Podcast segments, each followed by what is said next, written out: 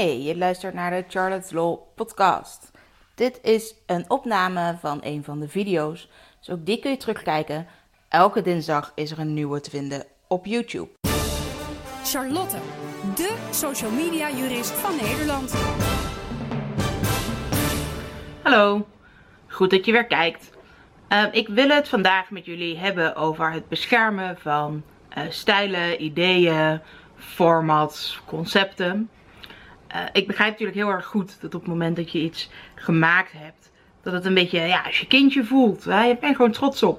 Het is iets moois, heb je hard voor gewerkt. En dat wil je kunnen beschermen. Uh, nou, lastig is een beetje dat je ideeën en stijlen eigenlijk niet kunt beschermen. Toch heb ik wel een paar tips voor je hoe je daar mee om kunt gaan. Uh, tip 1 is zorgen dat je het volledig uitwerkt. He, dus een idee helemaal uitwerken, een concept helemaal uitwerken.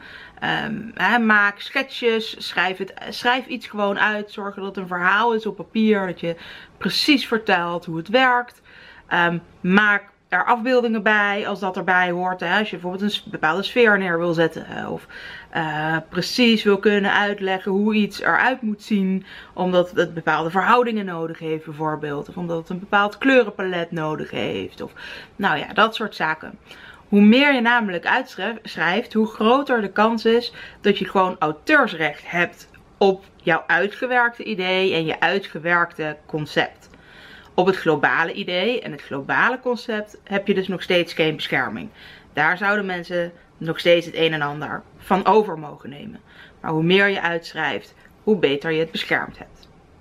Nou, tip 2 is vooral dat wanneer je bijvoorbeeld samen wil werken met andere mensen en je hen nodig hebt om het bijvoorbeeld uit te kunnen werken, om ervoor te zorgen dat je er uiteindelijk auteursrecht op hebt, Um, dat je met hen daar een overeenkomst over sluit. Of dat je ze in elk geval een geheimhoudingsverklaring laat tekenen.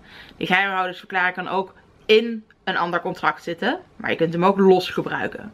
Stel dat je bijvoorbeeld ergens gaat pitchen. Dan ga je ook zo'n potentiële opdrachtgever of potentiële partner waarmee je samen wil werken. Die laat je dat ondertekenen. Dan moet je ook al een beetje beschrijven wat je idee is en wat je concept is. Uh, anders dan weet je niet waar die geheimhoudingsverplichting voor geldt. Uh, maar in elk geval kun je dat laten tekenen.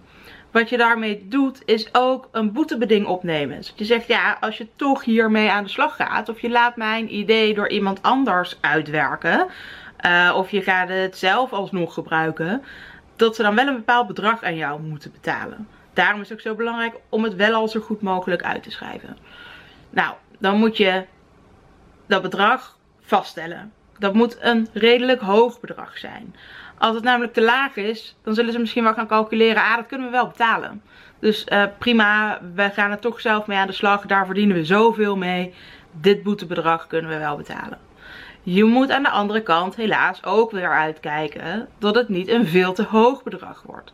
Dan zou het namelijk zo kunnen zijn dat een rechter zegt, ja dit is zo absurd hoog, dit is zo onredelijk, ik ga het matigen. En dan hou je misschien weer minder over dan als je zelf al een redelijker bedrag had uh, bepaald. Waar je eigenlijk rekening mee moet houden is, oké, hoe goed is mijn idee en hoeveel geld zou ik daarmee kunnen verdienen, potentieel.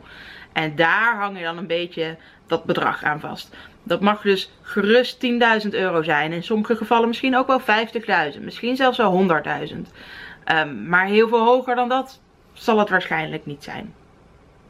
Nou, dan is mijn allerlaatste tip nog om jouw werken in te schrijven als e-depot. Is een, een, registratiemanier bij het Benelux Bureau voor de Intellectuele Eigendom, BBIE. Uh, die eigenlijk normaal gesproken merken en modellen inschrijven, maar die ook de mogelijkheid hebben om een e-depot in te schrijven. Wat je eigenlijk krijgt is een datumstempel. Sommige mensen zullen dat misschien nog kennen van de Belastingdienst van een aantal jaar geleden. Kon je iets opsturen naar de Belastingdienst, kreeg je eigenlijk een soort datumstempel. Van nou, wij hebben dit op deze datum binnengekregen. Dat zegt dus helemaal niks over een recht. Of je er auteursrecht op hebt, of dat je er misschien een ander recht op hebt. Maar je laat er natuurlijk wel mee zien dat jij op een bepaalde datum een bepaald concept op zijn minst in handen had. Het zegt nog steeds dat jij het bedacht had. Maar wel dat jij het toen uh, ter beschikking had. Nou, je kunt dat indienen gewoon als pdf. Uh, dus je kunt ook meerdere ideeën en concepten gewoon tegelijkertijd indienen. zelfs uh, van ontwerpen bijvoorbeeld, teksten, foto's, alles zou kunnen. Zolang dat maar binnen één pdf past en die mag een maximale grootte hebben. Dat kost je 35 euro. uit mijn hoofd in elk geval. Misschien dat het inmiddels ietsje duurder is. Dus het kost niet heel veel geld. Om in elk geval wel al later als bewijs te kunnen dienen. Als iemand zegt nee nee maar wij hebben het gewoon ook bedacht. En wij waren eerder. En dan moet je wel aan kunnen tonen wie daar eerder was. Nou, daar helpt zo'n e-depot wel bij. Um, dus als je heel veel ideeën hebt of heel veel ontwerpen maakt, dan kan het nog best wel handig zijn om uh, eens in de zoveel tijd, hè, eens per maand of eens kwartaal bijvoorbeeld, een e-depot in te schrijven. En eigenlijk als soort van extra allerlaatste tip, weet je, zorg gewoon dat je altijd de meest originele bent. En dat je altijd voor iedereen uitloopt. Dat is nou helemaal niet altijd mogelijk. Dus um, vandaar mijn drie tips. Dus nog één keer. Zorg dat je je ideeën vooral uitwerkt. Zodat je er auteursrecht op hebt. Um, zorg anders dat je, of eventueel daarnaast, dat je een uh, geheimhoudingsverklaring laat tekenen. Door mensen waarmee je gaat samenwerken of je potentiële klanten. En eventueel kun je nog een e-depot inschrijven. Zodat je een datumstempel krijgt. Dat je bewijs hebt wanneer jouw idee in elk geval voor het eerst bij jou lag. Veel succes!